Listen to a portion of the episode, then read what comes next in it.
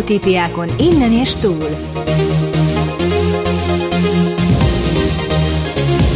Fogyatékos ügy, egészségügy, szociális ügy, kultúra. Esélyegyenlőségi magazin. Egy műsor olyan emberekkel és civil szervezetekkel, akik nem beszélnek róla, hanem tesznek érte. Szerkesztő műsorvezető Ruzsa Viktor. Jó napot kívánok! Szeretettel köszöntöm kedves hallgatóink, Ruzsa Viktor vagyok. Esélyegyenlőségi magazinunk 2023. januári első adását hallják, mely műsorban visszatekintünk 2022-re. Igyekeztem kiválasztani, persze nem volt egyszerű dolgom, 2022 általam legjobbnak vélt interjúit, riportjait. Ezekből következik most egy ismétlő válogatás mai adásunkban. Elsőként 2022 március 4-ig, péntekig utazunk vissza az időben, amikor is tisztújító közgyűlést tartott a Vakok és Gyengéllátók Hermina Egyesületének turista szakosztálya. Tavaly is megrendezte a Bráj ünnepet, a Bráj kultúrát népszerűsítő Bráj olvasás versenyt a Vakok és Gyengéllátók Szabolcs-Szatmár Bereg megyei egyesülete. Önkéntes munkatársakat keres a Vakrepülés Színtársulat. Tartsanak velünk! Sztereotípiákon innen és túl. Fogyatékos ügy, egészségügy, szociális ügy, kultúra. Esélyegyenlőségi magazin. Egy műsor olyan emberekkel és civil szervezetekkel, akik nem beszélnek róla, hanem tesznek érte. Szerkesztő műsorvezető Ruzsa Viktor. Szeretettel köszöntöm a kedves hallgatókat. Ruzsa Viktor vagyok. 2022. március 4-én pénteken tisztújító közgyűlést tartott a Vakok és Gyengéllátók Hermina Egyesületének turista szakosztálya. Megtisztelő volt számomra, hogy ezen a közgyűlésen a Magyar Vakok és Gyengéllátók Országos Szövetsége elnöke dr. Nagy Sándor képviseletében vehettem részt. A Vakok Szövetségének turista szakosztálya 1966-ban Kügler Jenő vezetésével alakult meg, 1974 óta, tehát 48 éven át Hírt Ignác volt a vezetője, aki idős korára tekintettel ezen a taggyűlésen lemondott elnöki tisztségéről. A taggyűlést megelőzően röviden áttekintettük pályafutását, illetve a turista szakosztály múltját. Már gyerekkorodban hordtad a vizet, és tulajdonképpen akkor csapott meg téged a természet szele, és döntöttél úgy, hogy kitűzött célul azt, hogy az emberek a zajos városból menjenek ki vidékre, a jó levegőre, a természetbe. Tehát megcsapott téged a mozdony füstje. Igen, fiatal koromban faluhelyen éltem, a nagypapámmal, mint gyerek jártuk a határt, dolgozgatott, én meg ott lebzseltem körülötte. Hát a látásom az fokozatosan romlott.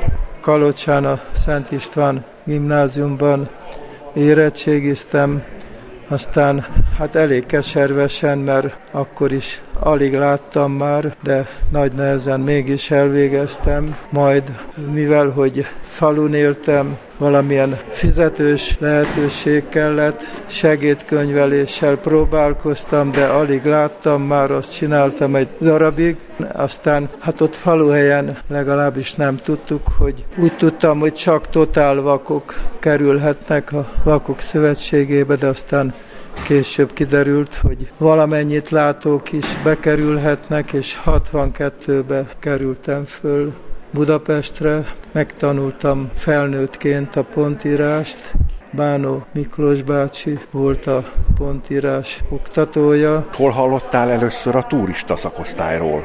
Hát amikor fölkerültem Pestre, akkor egyből bekapcsolódtam mindenbe. Tudom én, akkor volt még olyan, hogy Esperanto tanfolyam, oda is jártam, német tanfolyamra, szóval mindenbe bekapcsolódtam, és 66-ban alakult a szakosztály. Én akkor egyből beléptem a szakosztályba. És Igen, ugye Kügler Jenő volt, aki alapította, Uha. vagy vezette, ugye? Jenő bácsi volt, igen. igen, az első szakosztályvezető, Hát ő is javasolta, hogy hozzuk létre a szakosztályt. Ő külföldön járt valahol, és látta, hogy ott a vakok járják a természetet, és aztán az ő kezdeményezése révén alakult meg a mi turista szakosztályunk. Hát eleinte csak, mint tudom én, vezetőségi tag működtem közre. 74-ben vezető lettél, igen, és igen. tulajdonképpen azóta töretlen volt ez a vezetés, tehát nem is volt megszakítás, 48 nem, nem, éven keresztül nem. folyamatosan. És mentetek külföldre, határon túra, Erdélyben, én olvastam, hogy Aradon, igen. Nagyváradon, igen, igen, akkor igen. voltatok a felvidéken, voltatok igen. Magyarországon is sok helyen, Olaszországban, Rómában, a Sixtusi kápolnát is megnéztétek de el akartatok menni Pompejbe is, végül is a magyar Pompejnek hát nevezett az, Ipoly Tarnócra jutottatok el. Az, az nem jut, az, az, az eredeti hely az nem jött össze. Sor, de voltunk tényleg rengeteg helyen. Hogy választottátok ki a helyeket? Jöttek ötletek, a tagok ötleteltek, hogy hova szeretnénk elmenni? Jöttek ötletek is, és aztán hát a sok ötlet közül a megfelelőt mindig kiválasztottuk, és hát tényleg rendszeresen régebben, hát most már kicsit elkényel kényelmesedtek, meg hát meg is öregedtek a tagok. Régebben minden hétvégén túráztunk. Nem kevesen, 30-35-en. Igen, legalább. a szép létszám, és az, hogy ti látássérültként, vakon, aliglátóként mentetek, főleg ugye a szervezéssel kapcsolatban, meg hát ugye itt a tolerancia is, hogy mennyire fogadtak el benneteket az idegenvezetők hozzáállása. Mennyire volt ez nehéz? Hát természetesen, aki nem látott, annak kellett egy megfelelő kísérője. Hát elmentünk minden, hát a, Kübler Janő bácsi első alkalommal nagyon félt, hogy hogy fog az sikerülni, de aztán amikor túl voltunk az első túrán, akkor látta, hogy ugyanúgy tudunk túrázni, mintha látnánk, hát mentünk jó utakon, rossz utakon, mit tudom én, olyan meredek hegyoldalakon is fölmásztunk. Mennyire nem, meredeken, tehát nem volt gond? Tehát volt, amikor hegymászó felszerelés is kellett, vagy azért nem, nem, könnyített hát útvonal volt, hogy túra hát volt? Legfeljebb négy kézláb mentünk. igen, vagy... olyan volt esetleg, igen. Hát olyan elő szokott fordulni. És melyik volt a legemlékezetesebb, ha egyáltalán ki lehet emelni egyet vagy kettőt így a, az elmúlt fél évszázad, vagy bő fél évszázad, vagy most már ha az egész szakosztályt nézzük a teljes működést, akkor majdnem hat évtized alatt. Hát nem nagyon tudok legjobbat. A legtöbb túra jól sikerült, emlékezetes volt. Hát volt olyan, hogy bőrigáztunk, elindultunk, nem esett, aztán félúton elkezdett ömleni, még a legalsó ruházatunk is csuron víz volt. És akkor hogy találtatok szállást? Vagy ilyenkor, ilyenkor mit csináltatok? Mit tudtatok csinálni? Hát szállást azt kerestünk. Eleinte volt olyan, amikor is spontán jött, hogy na most akkor kell keresni egy szállást, mert az, ami le van szervezve, az még messze van. Hát azt előre lekötöttük mindig. Hát az elején akkor még nem voltunk ennyire kényelmesek. Volt olyan, hogy emeletes ágyon aludtunk, aztán most már igények vannak, hát nyilván azóta változott minden. Egyébként akkor megemlítem, hogy a, a főtitkár is túrázott velünk, a Szemerédi Pista, te nem ismerted, a Gerdelics, ezek ott a szövetségben vezető pozícióban volt. Igen, hát az előttünk lévő generáció, hogy ezt szoktuk igen, mondani, igen. nagy tisztelettel, akik kiárták ezt az utat, amelyet aztán ugye ti is, vagy a újabb tagok is, ifjabb tagok, mi is járunk, jártunk. Nagy tisztelet előttük, és ilyenkor mindig fölhajtással emlékezünk rájuk. Ezt azért tegyük gyorsan hozzá. Hány tagja van a turista szakosztálynak? Gondolom, hogy azért folyamatosan gyarapszik a létszám. Hát volt olyan, hogy 149 fő volt a Az volt a legtöbb? Hát most a legutóbb 81-en érvényesítettek, hogy aztán most a, a taggyűlés végén mennyire fog felszökni, felkúszni a létszám. Hát, gond, hát olyan száz-száz valamennyi tagunk volt az száz közelében az elmúlt években. Köszönöm a beszélgetést Hírt Ignácnak, akinek további jó egészséget kívánunk, nagy tisztelettel, szeretettel, és köszönjük alázatos munkáját.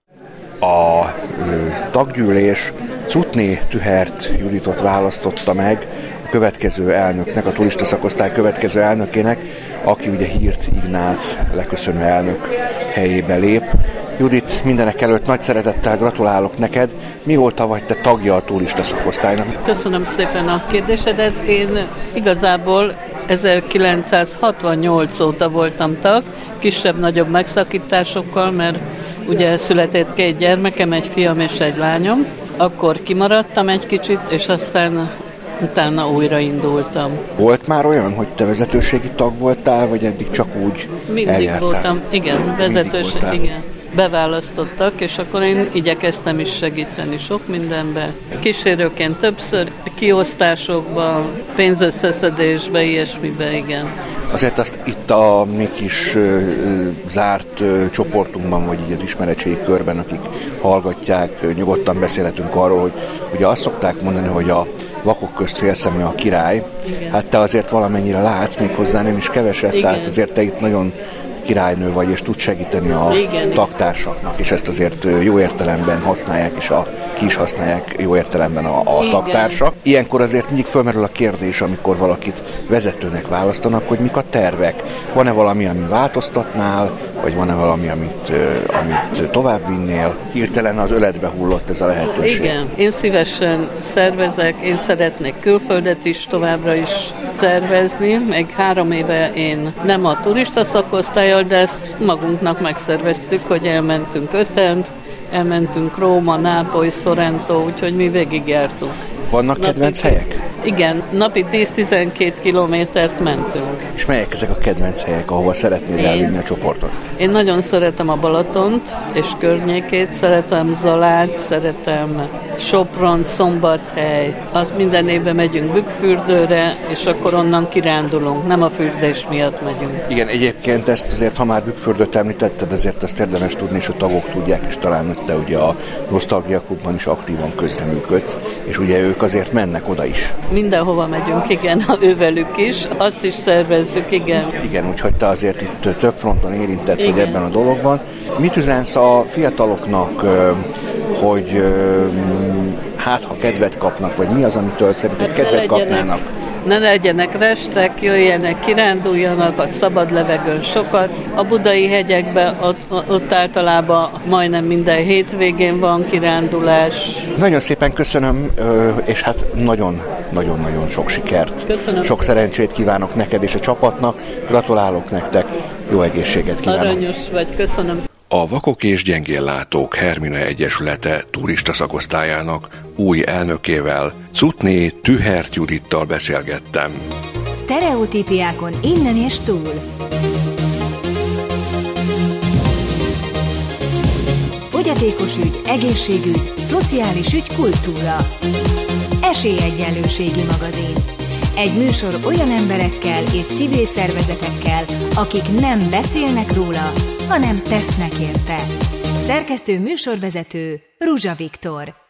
A Vakok és Gyengéllátók Szabolcs-Szatmár Bereg megyei Egyesülete 2022-ben is megrendezte a Braille ünnepet, azon belül, illetve ennek részeként Braille olvasás versenyt rendezett. Az Egyesület elnökét Nemes Nagy Tündét köszöntöm, akivel a Braille ünnep létrejöttéről beszélgetek.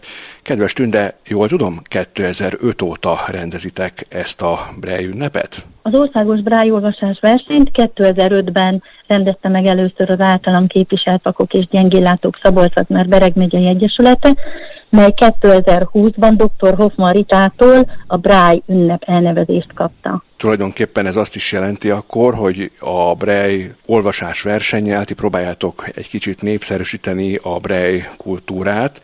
Miért érzitek úgy, hogy ezt népszerűsíteni kell? Nem magától értetődő látássérült emberek körében a Braille olvasás, írás, tehát a Braille kultúra egyáltalán? Azt tapasztaljuk, hogy egyáltalán nem magától értetődő, a fiatalok talán már jobban a digitális irány felé fordulnak, de nekünk muszáj, hogy fenntartsuk a bráj kultúra ápolását, a létjogosultságának a megőrzését, hiszen, mint tudjuk, a látássérültek többféleképpen olvasnak, és a bráj olvasással nem csak az olvasás szerepetét tudjuk fenntartani, hanem ezzel például, ha sokat olvasunk brájban, akkor helyes írásunkon is tudunk korrigálni, hiszen azok az információk, amik vizualitás útján nem jutnak el hozzánk, azokat tapintással nagyon jól tudjuk pótolni. A mindennapokban is tudjuk használni a brájt, hiszen brájt kijelzőkkel is tudunk olvasni, gyógyszeres dobozokon is megtalálható a bráj, illetve saját magunknak a saját életterünkben is tudunk bráj feliratokat készíteni, és én azt gondolom, hogy ennek a kultúráját igenis kell, hogy egy kicsit jobban népszerűsítsük, jobban ápoljuk. Minden évben más, nem szeretem ezt a szót használni ilyen esetben, hogy kötelező, de hát mindig erre áll rá az ember szája. Kötelező író műveiből kerül kiválasztásra az ugye, amit a versenyzők felolvasnak. Idén Váci Mihályra esett a választás. Mi volt ennek az apropója? Miért éppen Váci Mihály? Nálunk úgy van, hogy az országos brájolvasó versenyeken kizárólag szabolcs már Bereg megyei irodalmárok írásaival, illetve életükkel, munkásságukkal ismertetjük meg a brájolvasó versenyre érkező látássérülteket. Van, amikor kortárs írókkal foglalkozunk, ebben az esetben a kortárs írót beültetjük a zsűri tagjai közé, eljön, és neki is egy nagyon nagy élmény, hogy az ő írását bráírásban olvassák látássérültek. De vannak olyan évek, mint például az idei vagy a tavalyi, amikor ránk hagyott irodalmi értéket olvastatunk. Idén Váci Mihályt választottuk, kettő év múlva lesz a születésének a századik évfordulója.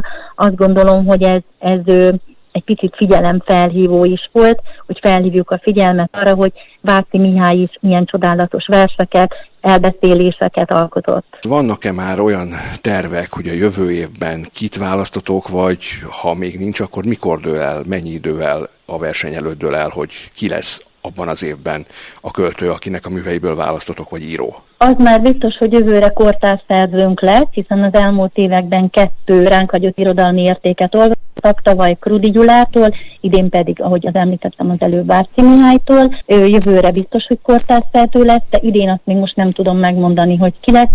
Nézelődünk, figyelünk, vannak már talomban nevek, de az majd azt gondolom, hogy csak jövő év tavaszán, amikor elkezdjük szervezni a következő évi országos brájolvasó versenyt. Javaslatok ilyenkor érkeznek, vagy érkezhetnek a tagjaitok részéről is?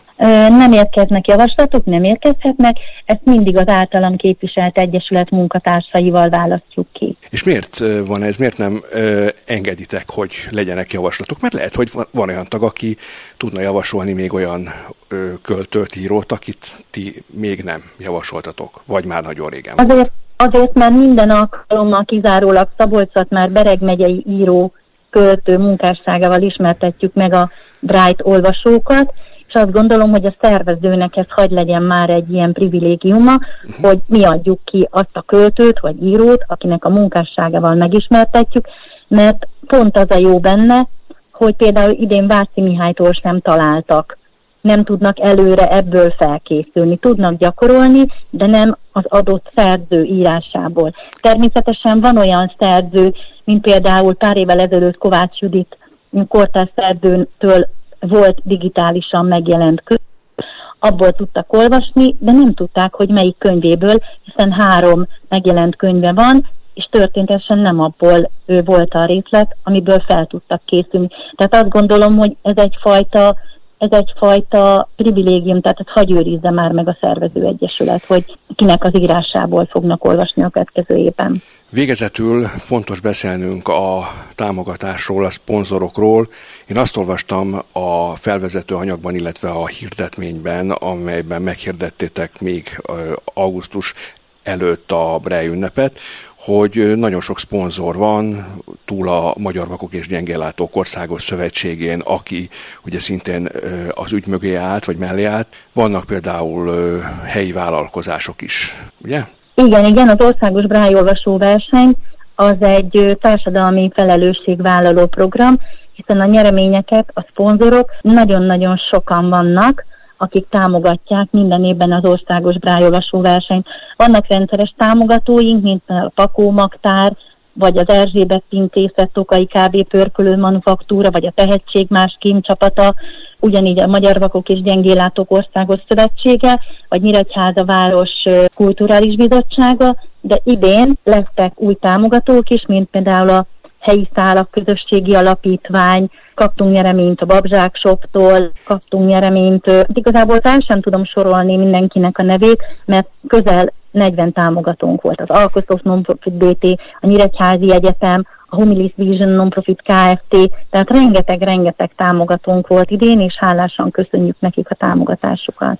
Hogy találtok egymásra? Mert oké, okay, hogy az Országos Szövetségnek természetes az, hogy egy tagegyesület kezdeményezése mellé odáll, de helyi vagy az Alkoszofnak, amelyet ugye szintén látássérült ember működtet és látássérültekre specializálódott, de a többi szponzor hogy kerül a képbe, akik nem speciálisan látássérültekkel foglalkoznak? Hát például a Pakó Magtár ő régió ismerősünk, a, a boltjuk itt volt az irodánk mellett, és bementünk első alkalommal, és most már második éve voltak a támogatóink.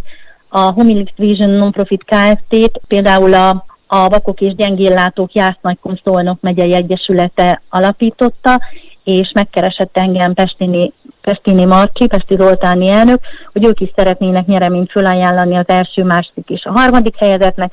Ugyanígy történt, hogy a Nyíregyházi Egyetem is megkeresett. Tehát a Facebookon látják, a közösségi médiában látják a felhívásokat, a tájékoztatókat, az információkat, a programjainkat, és mivel, hogy tudják, hogy itt verseny van, és ott első, második, harmadik helyezet van, idén az első tíz helyezetnek állítottunk össze a kollégáimmal ajándékcsomagokat, tehát a szponzorok van, akik önmaguk keresnek meg minket, hiszen nagyon fontos nekik, hogy őket is láttassuk a Facebook oldalunkon, hiszen a támogatóinkat mindig kitesszük. Nem csak Braille olvasás verseny van ott a helyi könyvtárban, hanem a versenytől követően még múzeumlátogatás is, tehát ráadásul még arra is törekedtek, hogy a résztvevők lehetőség szerint ne csak oda menjenek, aztán menjenek el, hanem töltsenek el ott egy kellemes hétvégét, és kulturálódjanak, ismerjék meg a helyi értékeket, tehát a Szabolcs-Szatmár-Bereg megyei értékeket. Ugye most is volt egy múzeum látogatás is délután, szombat délután. Igen, ennek a programnak most már az lesz a neve, hogy Bráj ünnep kulturális hétvége, országos olvasás verseny, ennek keretében szombat délután valamilyen közösségi programot, egy kötetlen közösségi programot szoktunk ö, életre hívni. Idén a Sóstói Múzeum faluban a szabolcs már Bereg megyei népi kultúrával ismerkedhettek meg. A vendégeink 35-en vettek részt a múzeumpedagógiai foglalkozáson, vajköpülés volt, mindenki kipróbálhatta, hogy hogyan kellett annak idején vajat köpülni, az eszközöket megismerték, megkóstolhatták az írót, az elkészült vajat, ott kemencében sült kenyére kenhették, és azt is megkóstolhatták. Benéztünk a templomba, kipróbáltuk az akusztikát, énekeltünk egy jót, hiszen sok zenész és énekes vett részt az országos brájolvasó versenyen, megismerkedtünk a korabeli iskolával, aki rossz volt, ő kukoricára térdepeltettük, illetve egy kicsit megveszőztük a kapott körmöst, uh-huh. ezt is kipróbálhattuk, a szatócsboltban, a korabeli kocsmába is betérhetünk egy kávéra, megnézegettük azokat a házakat, amik a skanzenben vannak, és jellegzetesen szabolcs Bereg megyét mutatják be, de volt már olyan év, amikor a Sóstói erdőben ismerkedtünk az erdővel, az erdő növény és állatvilágával, biológia tanár volt akkor a, a moderátorunk ehhez a programhoz, megismertük egy irodalmi sétával tavaly például, és narrátorral is Szabol, a Nyíregyháza városnak a, a köztéri szobirait, amik köthetőek valamelyik irodalmárhoz, vagy, vagy valamilyen um, irodalmát mutatnak be, úgyhogy igyekszünk minél színesebbé tenni a városunkban tartózkodást. Az is fontos kérdés viszont, hogy milyen szempontrendszer szerint zajlik az értékelés. Úgyhogy most itt köszönhetem körünkben így az éteren keresztül az idei Bráj olvasásverseny első helyezettjét, Magyar Csabát, aki egyébként a Vakok általános iskolájában tanár. Melyik művét választottad Váci Mihálynak, illetve melyik művét kaptad? Vallomás töredékek című írásából olvashattunk. Ez egy néhány oldalas mű, és ebből minden versenyzőnek három percig kellett folyamatosan felolvasni. Hogy Ezt a szabolcs már Bereg megyei egyesület választja minden évben a zsűrit, az más kérdés, hogy, hogy kit hívnak meg, mert minden évben egy látássérült tagja is van a zsűrinek. Tavaly például én voltam Talán akkor tudsz arról is mesélni, igen, hogy, módom. igen, akkor igen? tudsz arról is mesélni, hogy milyen szempontrendszer szerint zajlik az értékelés. Az érthetőséget nyilván fontosnak tartják, a gyorsaságot, a tempót, hogy ne legyenek nagyon darabosak a, a mondatok. Az érthető, szép, hangsúlyozott olvasás nem a nagyon gyors és elhadart és robotszerű, hanem a jól érthető és élményszerű felolvasás, ami nagyon fontos, és ugyebár figyeli azt is, hogy ki milyen fejlődést mutat fel az évek során. Ezt a podcastet éplátó emberek is fogják hallgatni, akik annyit tudnak, hogy a látássérültek ugye pontírással, bráírással kommunikálnak többek között. Nyilván a számítógép és egyéb kisegítő alkalmazás az majd ezután következik, tehát ugye alap dolog a Braille. A Braille bizottságnak milyen feladata van azon túl, hogy ápolni kell a brej kultúrát, és elő kell segíteni azt, hogy igenis, hogy minden látássérült gyerek, fiatal megtanulja, megismerje, megszeresse. A Braille Bizottság arra a feladatra jött létre, hogy megpróbálja megreformálni a Braille írást, és azt gondolom, hogy ezt sikerrel véghez is vitte, még Kuminka Györgyné vezetésével. Az a célja a bizottságnak, hogy így van, a legfőbb cél, hogy ápolja a Braille kultúrát, mert nagyon nagy veszély fenyegeti, egyre több halmozottan sérült látás fogyatékos gyermek van az iskolákban, mind az integrált gyerekek között, mind pedig a vakok iskolájában, és bizony nagyon nehéz őket megtanítani a bráírásra, illetve hogyha meg is tanulták, sokszor a kényelmi szempontok miatt úgy döntenek, hogy hanyagolják, és nem gyakorolják eléggé ezt a csodálatos írásrendszert és életformát, amit Louis Braille megalkotott, és bizony nagyon fontos, hogy, hogy amíg ennél jobb alternatívát nem tud a világ felmutatni a látássérült kultúrájának és írástudásának a fejlesztésére, addig nagyon fontos feladatunk, hogy megőrizzük a látássérültek számára ezt a csodálatos írásrendszert, amivel bármit szinte ki lehet fejezni. Sztereotípiákon innen és túl. Fogyatékos ügy, egészségügy, szociális ügy, kultúra. Esélyegyenlőségi magazin. Egy műsor olyan emberekkel és civil szervezetekkel, akik nem beszélnek róla, hanem tesznek érte. Szerkesztő műsorvezető Ruzsa Viktor. Beszélgető társam Máj Krisztina, a Vakrepülés Színtársulat művészeti vezetője. Hogyan is áll a Vakrepülés Színtársulat? önkénteseket keresnek tudni. Szervusz Kriszta, szeretettel köszöntelek, illetve köszönöm, hogy itt lehetek köztetek a Netmédia sátrában. Mikor indult, milyen céllal indult ez a kezdeményezés már jó régen? Nagyon sok szeretettel köszöntöm a hallgatókat. Hát megpróbálom nagyon röviden összefoglalni ezt a mögöttünk elmúlt több mint 20 évet. Maga a szintársulat 1998-ban alakult, azzal a céllal, hogy sötétben hozzunk létre színházat. Sallai Zoltán volt a megalapítója, Ilyen kezdeményezés nem nagyon volt akkor sem, és hát azóta sem nagyon tudunk arról, hogy lenne akár Európában vagy világszerte. A célunkat összefoglalva talán legrövidebben az lenne, hogy olyan módon tudjuk megmutatni a látássérült életvitelét, vagy a látássérültség lényegét, hogy egyúttal szórakoztató is legyen, de nyomot is hagyjon az emberekben, úgyhogy azért próbáltuk azt meg, hogy interaktívvá tesszük a darabokat. Ez azt jelenti, hogy a közönség is részese a darabnak, tehát ami nagyjából a szereplőkkel történik, az a darab közönségével is megtörténik. Például a görögországi utazásnál táncolnak a búcsúban, ennéni kapnak, vizesek lesznek az esőben, úgyhogy ez egy másfél órás sötétség, ami azért mély nyomot hagy, talán mélyebb nyomot, mint hogyha mondjuk tartanék egy 20 perces kis előadást a látássérültek mindennapjairól. Nyilván kaptok visszajelzéseket is. Milyen visszajelzések érkeznek a nézők részéről? Nagyon ritka az, amikor kimegy valaki. Ezért mindig van egy próba sötét a darab elején, direkt úgy csináljuk, hogy van egy ilyen 10 perces direkt ilyen zavarkeltés, meg hangok, hogy ha aktor valaki megijed, akkor még mindig el tudja hagyni, hagyni a fedélzetet, de amúgy ez nagyon ritka esetben szokott előfordulni. Azt szokták mondani, hogy eleinte félnek egy kicsit, de aztán elkezdenek magára a darabra figyelni, hát lévén ugye miközben darabot játszunk, romantikus végjátékot, meg mesejátékot, tehát azért ennek története is van, ezt szövik át ugye a hangok, az illatok és az ízek, és um, hiába is van nagyon sötét, még be is szokták csukni a szemüket, hogy még teljesebb legyen az élmény.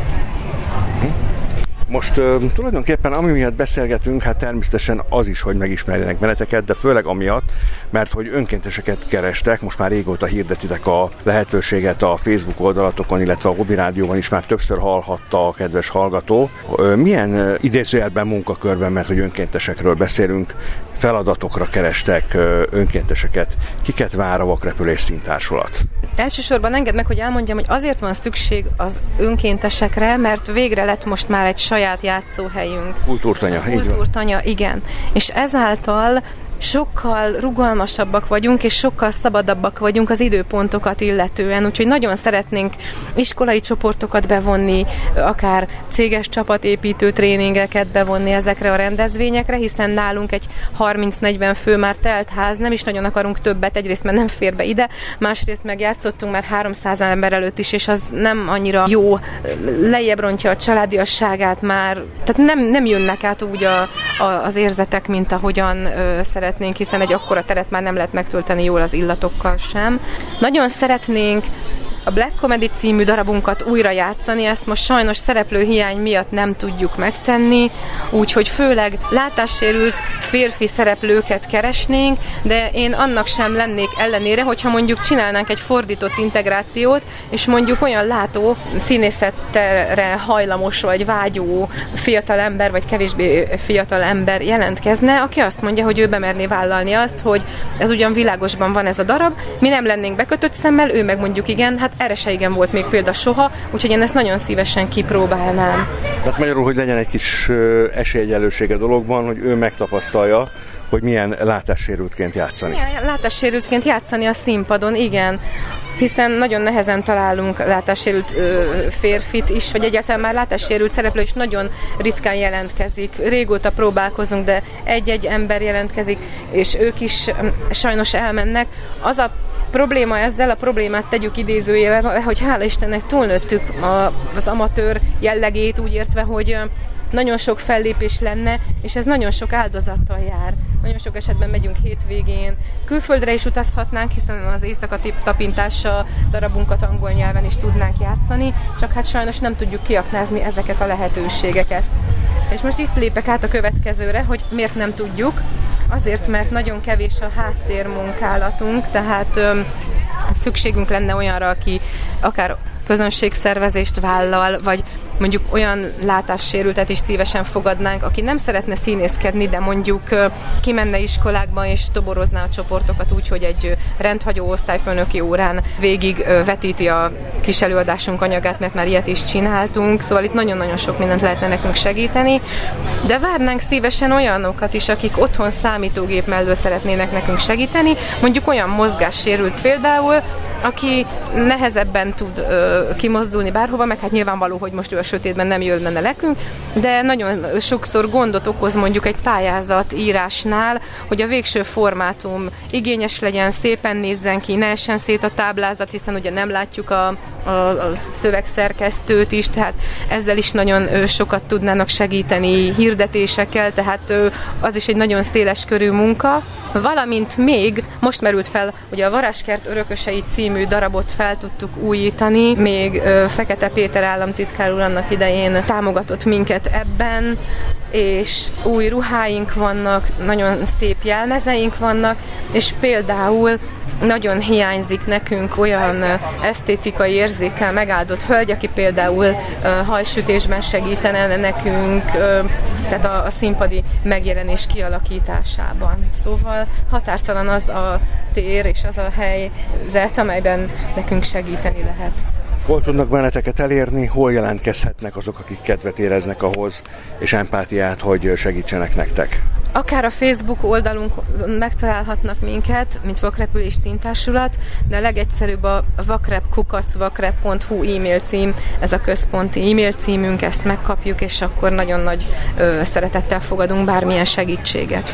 Nagyon szépen köszönöm, Kriszta, hogy ezt elmondtad nekünk. Kedves hallgatóink, a Vakrepülés Szintársulat művészeti vezetőjével, Máj Krisztinával beszélgettem, aki szintén itt van, illetve a Vakrepülés Társulatból még ugye Nagy Laci barátunk is itt van a ö, Netmédia Alapítvány sátránál. Laci, te mióta vagy tagja ennek a társulatnak? Hát ha jól számolom, 2002 óta, az gyakorlatilag 20 éve.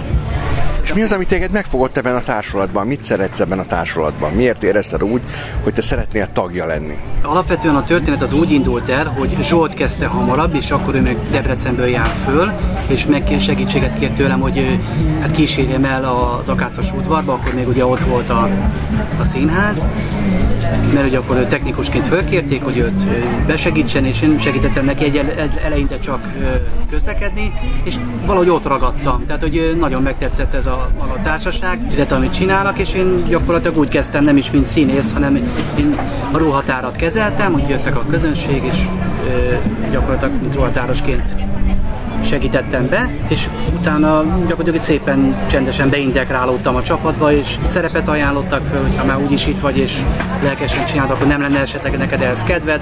Mondom, miért is nyert kipróbálom, de sosem csináltam, még nagyon izgultam, és úgy tűnik, hogy sikerült, mert azóta is itt vagyok. Sztereotípiákon innen és túl. Fogyatékos ügy, egészségügy, szociális ügy, kultúra. Esélyegyenlőségi magazin. Egy műsor olyan emberekkel és civil szervezetekkel, akik nem beszélnek róla, hanem tesznek érte. Szerkesztő műsorvezető Ruzsa Viktor. Ez volt az Esélyegyenlőségi magazin 2022. januári első adása, melyben 2022 legjobbnak vélt riportjaiból igyekeztem válogatni. Kedves hallgatóink, ha bárkinek észrevétele, javaslata, mondani valója van műsorunkkal kapcsolatban, akkor a facebook.com per Esélyegyenlőségi magazin műsor címen veheti fel velünk a kapcsolatot.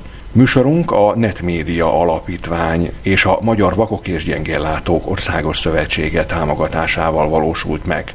A Braille ünnepről készült riport a Magyar Vakok és Gyengéllátók Országos Szövetségének tulajdona az MVGOS hivatalos podcast csatornáján hallható. Esélyegyenlőségi magazin című műsorunknak is van egy hivatalos podcast csatornája. A keresőbe elég, ha beírják Esélyegyenlőségi magazin, és már is megtalálnak minket a legnépszerűbb podcast applikációkban. Stereotípiákon innen és túl. Fogyatékos ügy, egészségügy, szociális ügy, kultúra. Esélyegyenlőségi magazin.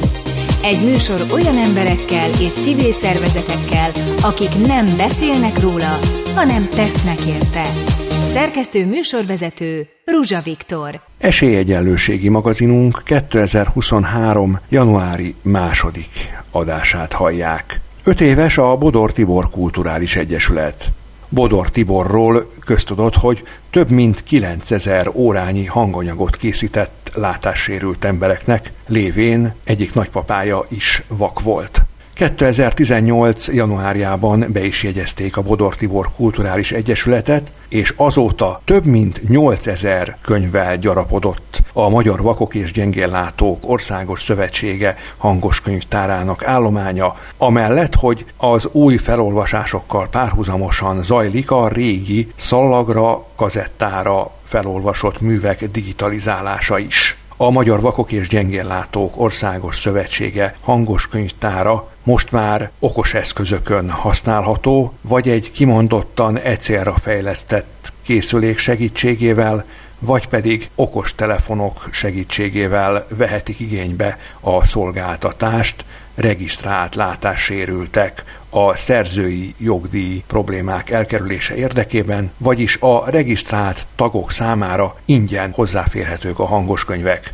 Olyan önkéntes felolvasókkal készített interjúkat mutatok önöknek, kedves hallgatóink, akik az elmúlt két évben több mint 500 órányi hanganyagot állítottak elő, vagyis az általuk felolvasott könyvek hanganyaga meghaladja az 500 órát. Ehhez kapcsolódik, hogy az Egyesület 2021-ben alapította meg a Hangomat adom díjat. 2021-ben Lencsés Szilvi, Mihalecki Krisztina és az idén januárban 80 éves Machandrás kapta ezt az elismerést, míg 2022-ben Forgács Sára, Haranginé Simon tímeja és Vas István érdemelte ki ezt az elismerést. Tartsanak velünk! Sztereotípiákon innen és túl. Fogyatékos ügy, egészségügy, szociális ügy, kultúra. Esélyegyenlőségi magazin. Egy műsor olyan emberekkel és civil szervezetekkel, akik nem beszélnek róla, hanem tesznek érte. Szerkesztő műsorvezető Ruzsa Viktor. Ruzsa Viktor vagyok, köszöntöm azokat is, akik most kapcsolódtak be műsorunkba, amelyben a Vakok és Gyengéllátók Országos Szövetsége hangos könyvtárának 60 éves jubileumi ünnepségéről jelentkezünk a Vakok Iskolája Nádor terméből. 2018 óta a hangos könyvtár Bodor Tibor művész úr nevét viseli. Bodor Tibor volt az a kiváló magyar színészünk, akinek nagy álma volt, hogy annyi hangos könyvet olvasson föl vakoknak, hogyha január 1-én 0 órakor valaki elindítja a lejátszást, akkor egész évben hallgathassa az ő előadásában felolvasott könyveket, és csak egyszer kelljen meghallgatni egy könyvet. Úgy tűnik, hogy ez sikerült is, mert több mint 9000 órányi hangos könyvet olvasott föl. Ezért aztán az ő nevét viseli ez a könyvtár, és ennek a könyvtárnak több önkéntes felolvasója is van akik között most Mach Andrást köszöntöm nagy szeretettel. Egy közeli ismerősöm az interneten keresztül átküldte a felhívást valamikor 2018 elején, és én azt gondoltam, hogy mivel a nyugdíjas kor az több szabadidőt ad az embernek, és ebből én rendelkeztem kellő mennyiséggel, olvasni szeretek, úgy gondoltam, hogy megpróbálkozom vele. Elindult, és azóta nem tudok leszakni róla. Ön ugye szemkontaktusban van a közönséggel, és nézi, hogy ki az, aki a önnel tart, ugye? Hát egy színész alapvetően, mert ugye, ha jól tudom, akkor ön színművész, alapvetően kontaktusban van a közönséggel, legfeljebb, hogyha a színházi körülmények olyanok, akkor nem mindig látja az arcokat. Ugye? Nem feltétlenül a szemkontaktus illetve a néző felőli szemkontaktus az érdekes. Az arckifejezések, a mozdulatok, már maga az, hogyha az ember a pódiumon elkezd valamit csinálni, ami a nézőknek szól, már akkor érdekes, hogy vajon megáll-e a mocorgás, és rám figyelnek, avagy nem és arra kell törekedni, hogy megálljon a mozgás, és kizárólag rám figyel. Tehát, hogy tovább tudjam adni azt a gondolatot, amit én fontosnak érzek, és akkor ez, ez, ehhez ez kell. Nem vagyok egyébként művész vagy előadó művész, csak egy amatőr versmondó is. Tényleg? Tehát nem, nem hivatásos színész? Nem. Ne. Teljesen olyan a beszéde, ahogy most is, eh, ahogy beszél, teljesen olyan természetességgel és olyan szép elaadásmódban beszél, hogy az ember simán azt gondolná, aki nem ismeri önt, ahogy egyébként én sem ismertem önt korábban, csak a mostani felolvasásaiból. Mi a módja ennek, vagy mi a kulcsa ennek, hogy valaki mégis így meg tudja fogni a közönségét, ahogy ön megfogja? Nem vagyok benne biztos, hogy ez mindig sikerül.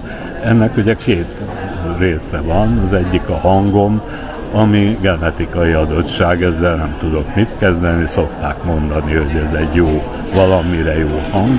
A másik viszont az, amit, amit, amit csinálok a hangommal, ahhoz viszont érdeklődési kör kell talán, nem is tudom megmondani, hogy még mi, meg lehet, hogy a kor, mert hát már elég rendesen túl vagyok már a 70 is, úgyhogy talán ennyi elég. És hogy választja ki a könyveket? Megkapja, hogy mely könyveket szeretnék öntől hallani a tagok, vagy esetleg van kedvenc könyve, vagy olvas valamit, megtetszik önnek, és úgy gondolja, hogy akkor, ha már ön elolvassa, akkor egyúttal föl is olvassa. Önző vagyok én ebből a szempontból.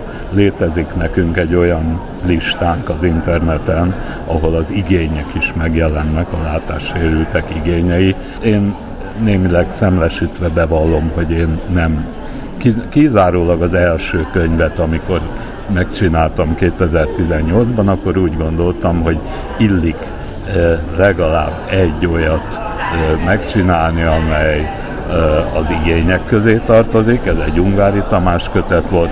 Onnantól kezdve viszont azt gondoltam, hogy némileg misszió a mi tevékenységünk, tehát ha úgy gondoljuk, hogy értékes irodalmat tudunk továbbadni, akkor azt kell követni. Én többé-kevésbé a kortárs magyar irodalmat próbálom propagálni azok között a könyvek között, amiket felolvasok. Nem mindegyiket, persze akad kivétel, de, de általában magamtól választok. Az otthoni könyvespolcról többnyire Ennyi az egész. Tehát akkor valóban saját magát adja, mert amit ön szívesen olvas, azt adja át másoknak. Van-e valami terv a jövőben, hogy most milyen könyvet szeretne felolvasni? Van-e már olyan, amit kinézett magának, ezt el fogja olvasni, és fel is fogja olvasni? Hmm. Hát többnyire miközben, olvasok, miközben felolvasok egy könyvet, már azon jár az agyam, hogy mi legyen a következő, tehát hogy ne kelljen fölösleges szüneteket tartani. Most ugyan éppen volt egy kis kényszer szünet, de már kinéztem magamnak egy Závodapál kötetet, a Egy piaci nap című könyvet, ami színdarabban is színdarabbá is átalakították. Olvastam is a könyvet, láttam is a Radnóti Színházban, és úgy gondoltam, hogy ez is azok közé tartozik, amit egy mai magyar embernek illik ismerni, illik tudni, amiről ez a könyv szól, úgyhogy rövidesen elkezdem, és ez lesz a következő. És akkor a hallgatóknak javasoljuk, én magam is ezt fogom tenni, hogy az újonnan felkerült könyvekben, mert uh, nyilván azt is tudja akkor, hogy a hangos könyvtár alkalmazásban van ilyen menüpont, nézzenek utána, keressenek rá, mert akkor egy pár héten belül, vagy egy-két hónapon belül, Igen. nyilván az utómunka után ez olvashatóvá, hallgathatóvá válik. Én nagyon szépen köszönöm művész úr, hogy elmondta nekünk, illetve kedves András, akkor nem. Az utóbbi az jó. Utóbbi az jobb hangzik, de tényleg nagyon-nagyon köszönjük ezt az önzetlenséget, hogy megtisztelte jelenlétével és emelte ezt a rendezvényt, illetve ennek a fényét. További jó egészséget és sok szép könyvet kívánunk még. Köszönöm. Sztereotípiákon innen és túl.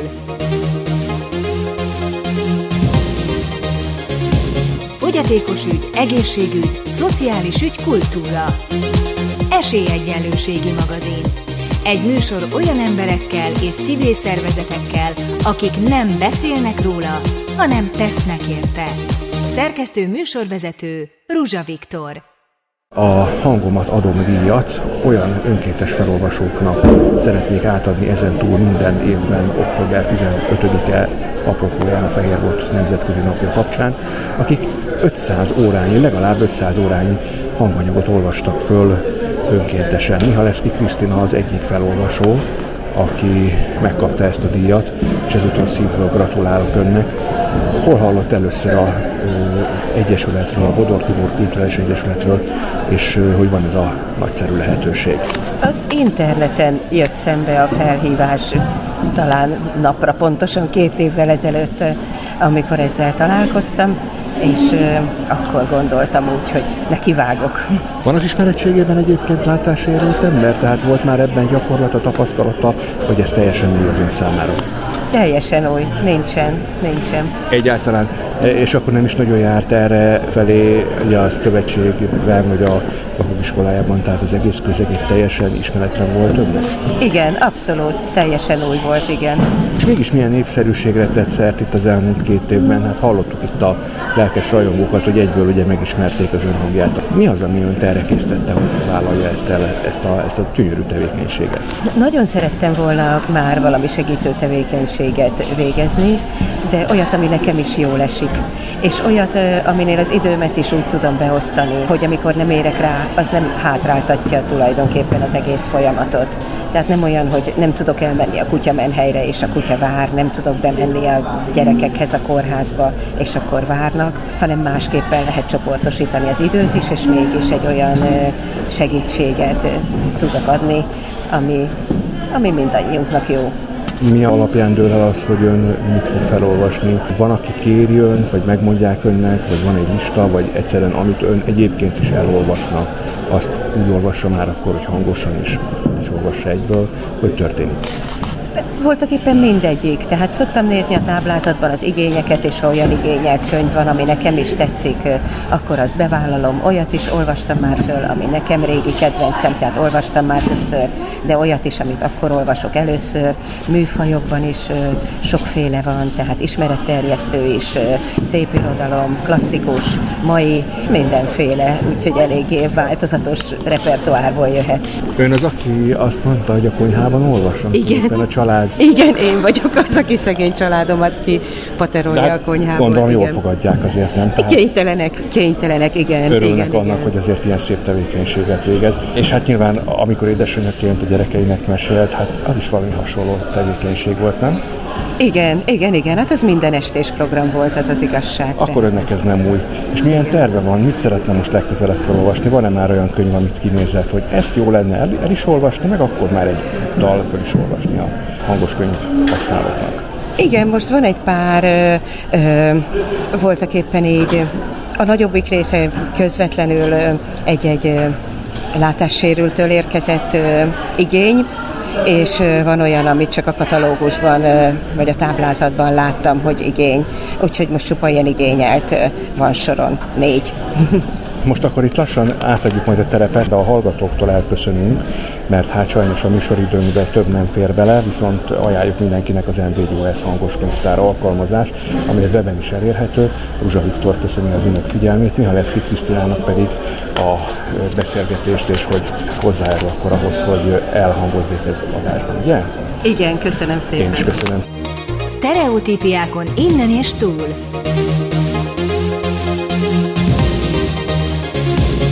Fogyatékos ügy, egészségügy, szociális ügy, kultúra. Esélyegyenlőségi magazin. Egy műsor olyan emberekkel és civil szervezetekkel, akik nem beszélnek róla, hanem tesznek érte. Szerkesztő műsorvezető Ruzsa Viktor. Kedves hallgatóink, szeretettel köszöntjük Önöket. 2022. október 15-én a nagy érdeklődésre való tekintettel a Benzúr Hotelben rendezte meg a Magyar Vakok és Gyengéllátók Országos Szövetsége az idei Fehérbot napi ünnepségét. A hangomat adom díj egyik díjazottja, Forgács Sára, aki azért kapta ezt az elismerést, mert több mint 500 óra könyvet olvasott föl a látássérülteknek. 2021-ben ezzel a célral alapították ezt a díjat, hogy azok munkáját ismerjék el, akik legalább 500 órányi hangos könyvet adtak közre, illetve könyvet olvastak fel. Kedves Sára, nagyon gratulálok ehhez a díjhoz. Hogyan került el kapcsolatban annak idején a Bodor Tibor Kulturális Egyesülettel? Köszönöm szépen a, a köszöntést. Én a 2015-ben ismerkedtem meg Helle Maximiliánnal, és először neki olvastam föl, és később így kerültünk, amikor, a, amikor Puskás Kata Szidónia megalapította a Kulturális Egyesületet, akkor én kezdetektől már abban is részt vettem. Számodra mi az, ami megfogott ebben a dologban? Mert hát ugye rendben van, hogy az emberek olvasnak, nagyon sokan szeretnek olvasni, hangosan is szeretnek olvasni, de ugye azért ez egy külön szakma úgymond, hogy úgy olvast föl, hogy az a látássérültek számára érthető legyen. Mi fogott meg ezen kívül? Tehát maxim Uh, olvasni mindig is szerettem, azon kívül én 30 évig hanggal foglalkoztam. Én a Magyar Rádió hangarchívumában dolgoztam, mint archivátor. Tehát nekem az volt a munkám, hogy hangokat hallgatok. Jó, de szép munka És ez, ez, ez végig kísért az életembe, és amikor a, elmentem nyugdíjba, akkor Maxival való kapcsolatban rájöttem, hogy ez valahogy tovább viszi a, a hanggal való foglalkozást, és hát hosszú út vezetett addig, amíg az ember megtanult olvasni. Tehát nagyon, tehát nem vagyunk profik, de azért nagyon sok mindennel lehet javítani. Én rám jellemző, hogy nagyon hadarok, és ezeket már remélhetőleg sikerült kiküszöbölnem. Viszont a Bodor Tibor Kulturális Egyesületnek van egy beszédtechnika tanára, Jancsó Sarolta színművész, aki, aki, igen, aki minden héten csütörtökön tart online beszédtechnika órákat, és gondolom, hogy ezért akármennyire rádiózik az ember, főleg te ugye nem bemondó voltál, de egyébként szerintem a bemondóknak sem árt a beszédtechnika, tehát én magamról tudom, hogy néha én kötelező, is hadarok. kötelező, kötelező persze, persze, hát amúgy, persze, amúgy is igen. fontos dolog, hogy szépen érthetően beszéljünk. Milyen könyveket szeretsz olvasni? Nagyon szeretem az életrajzokat, az életrajzokat. Amúgy mindenevő vagyok, de, de az utóbbi időben kezdtem újra irodalmat olvasni.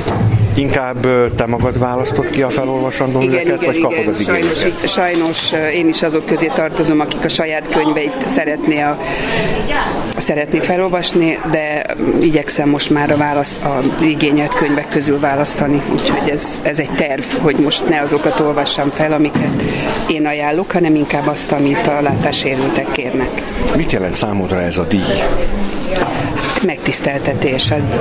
Az önkéntes munka elismerése egyrészt, másrészt hogy nagyon jó, hogy az az energia, amit beleteszünk, az egyértelmű, hogy a másik oldalról is olyan fogadásra lel, amit szintén megtisztelnek. Nagyon szépen köszönjük a munkád, további sok szép könyvet kívánunk neked, és mindehez kitartást, jó egészséget! Sztereotípiákon innen és túl.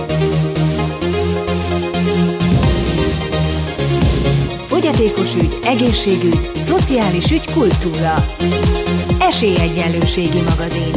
Egy műsor olyan emberekkel és civil szervezetekkel, akik nem beszélnek róla, hanem tesznek érte. Szerkesztő műsorvezető Ruzsa Viktor. 2022. október 15-én a Benzúr Hotelben adták át a Hangomat adom díjakat. Azok kapják meg 2021 óta ezt a díjat, akik legalább 500 órányi könyvet olvastak fel látássérülteknek. A következő beszélgető társam szintén egy önkéntes felolvasó, körünkben van Vas István, aki az egyik díjazottja lett 2022-ben. Mit jelent számodra ez a díj? Ez egy nagyon kedves elismerés. Azért kaptam, mert az a, az a munkamennyiség, az a hanganyag mennyiség, amit elkészítettem, az meghaladta az 500 órát. Természetesen nem ezért készítem a felvételeket, a felolvasásokat, hogy díjat kapjak érte, de minden esetre nagyon-nagyon jól esett, hiszen én is emberből vagyok faragva, ugye az embernek jól esik, ha észreveszik és odafigyelnek rá, és, és, és ha elismerik. Igen, olvasni egyébként nagyon sokan szeretnek, még akár hangosan is. Nekem van olyan ismerősöm, aki azt mondja, hogy sokkal jobb hangosan olvasni, mert a szövegértés szempontjából az előny, hogyha az ember hangosan olvas és jobban magáévá tudja tenni a szöveget, de az, hogy valaki látássérülteknek olvasson, ez nálad például hogyan jött?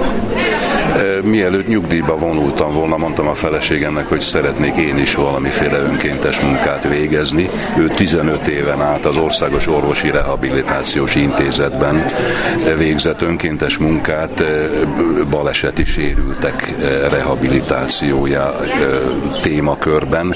Ezek ilyen művészeti foglalkozások voltak, kreatív foglalkozások, és szerettem volna én is valami hasonlót csinálni. Nem tudtam még pontosan, hogy mit.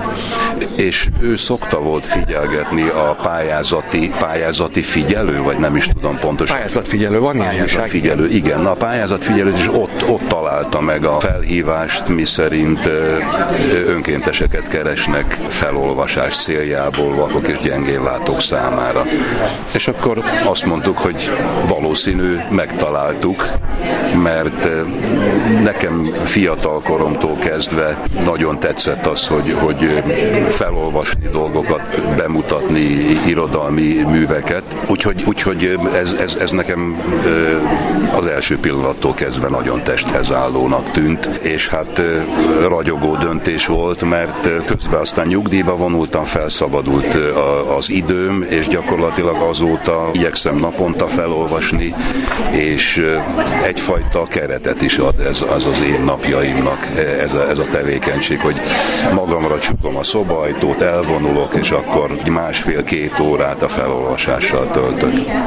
Ugye általában ez úgy szokott lenni, hogy van egy lista, és van igény bizonyos könyvekre, meg hát olyan is van persze, amikor valaki a saját maga által választott művet olvassa nálad, melyik van többségben? Kezdetben, kezdetben a saját magam által választott, tehát a saját ajánlásaimat olvastam fel, és ahogy haladtam előre, egyre inkább rájöttem arra, hogy és a levelezésekből beszéltem, beszélgetésekből is ezt szűrtem le, hogy az még nagyobb örömet jelent a, a várakozók, a vakok és gyengéllátók számára, hogyha olyan művet hallanak, amelyeket ők eddig még nem hallottak, nem találtak meg felolvasott formába, és amely az ő választásuk. Tehát e, e, ezt belátva kezdtem el tulajdonképpen válogatni az igények közül is. Hogyha nincs külön igény, vagy amikor te magad választasz, akkor milyen műfajú könyvet választasz? tulajdonképpen kialakult egy irány, amit, amire azt mondhatnám, hogy, hogy kortás magyar próza. Tehát mai magyar szerzők műveit igyekszem felolvasni. Már van néhány, néhány verses könyvet is felolvastam már, illetve prózai, prózai műveket. Nagyon szépen köszönjük a munkád, elismerésünk, gratulálunk, és jó egészséget és kitartást kívánunk. Köszönöm szépen ezt a beszélgetést. Köszönöm szépen én is. Sztereotípiákon innen és túl. Fogyatékos ügy, egészségügy, szociális ügy, kultúra. Esélyegyenlőségi magazin. Egy műsor olyan emberekkel és civil szervezetekkel, akik nem beszélnek róla, hanem tesznek érte. Szerkesztő műsorvezető Ruzsa Viktor. Harangin és Simon tímáját sem kell bemutatni senkinek, azok közül, a látássérültek közül, akik a Magyar Vakok és Gyengéllátók Országos Szövetsége hangos könyvtár alkalmazást használják, ugyanis Haranginé Simon tímája is egy önkéntes felolvasó, a hangomat adom díj idei harmadik tüntetetje, aki meghaladta az 500 órányi hangos könyvet, hanganyag előállítását. 2019-ben nyílt lehetőségem arra, hogy Kínába menjek és tanítsak, és a Kodály módszer adaptációjának a munkájában vehessek részt. Hát zenével foglalkoztál. Igen, én énektanár vagyok, és amikor télen hazajöttem egy két hetes szabadságra, az ugye, ahogy a pandémia terjedt a világban, egyre hosszabbra nyúlt, és májusban már, már biztos volt, hogy sajnos nem fogok tudni visszamenni, és nem tudom folytatni ezt a munkát, de mivel az itthoni munkahelyemről egy év fizetés nélküli szabadságon voltam, ezért tulajdonképpen a házi munkán és a családom kényeztetésén kívül nem maradt más munkám, és az interneten találkoztam a felhívással, hogy egy próbaolvasás beküldésével lehet jelentkezni önkéntes felolvasónak. Megragadtam az alkalmat, bekerültem, és azóta hatalmas nagy örömmel és hálával végzem ezt a munkát. Akkor gyakorlatilag jó egy év alatt gyűlt össze ez a rengeteg órány hangos könyv. Ugye tisztán, mert ez azt jelenti, hogy ez minden érhető a Bodor Tibor Kulturális Egyesület által működtetett, illetve az NVGS által működtetett hangos könyvtárban. Ha mondjuk nem az igényelt könyvek közül választasz, mert nyilván azok közül is kell, akkor milyen könyveket szeretsz felolvasni?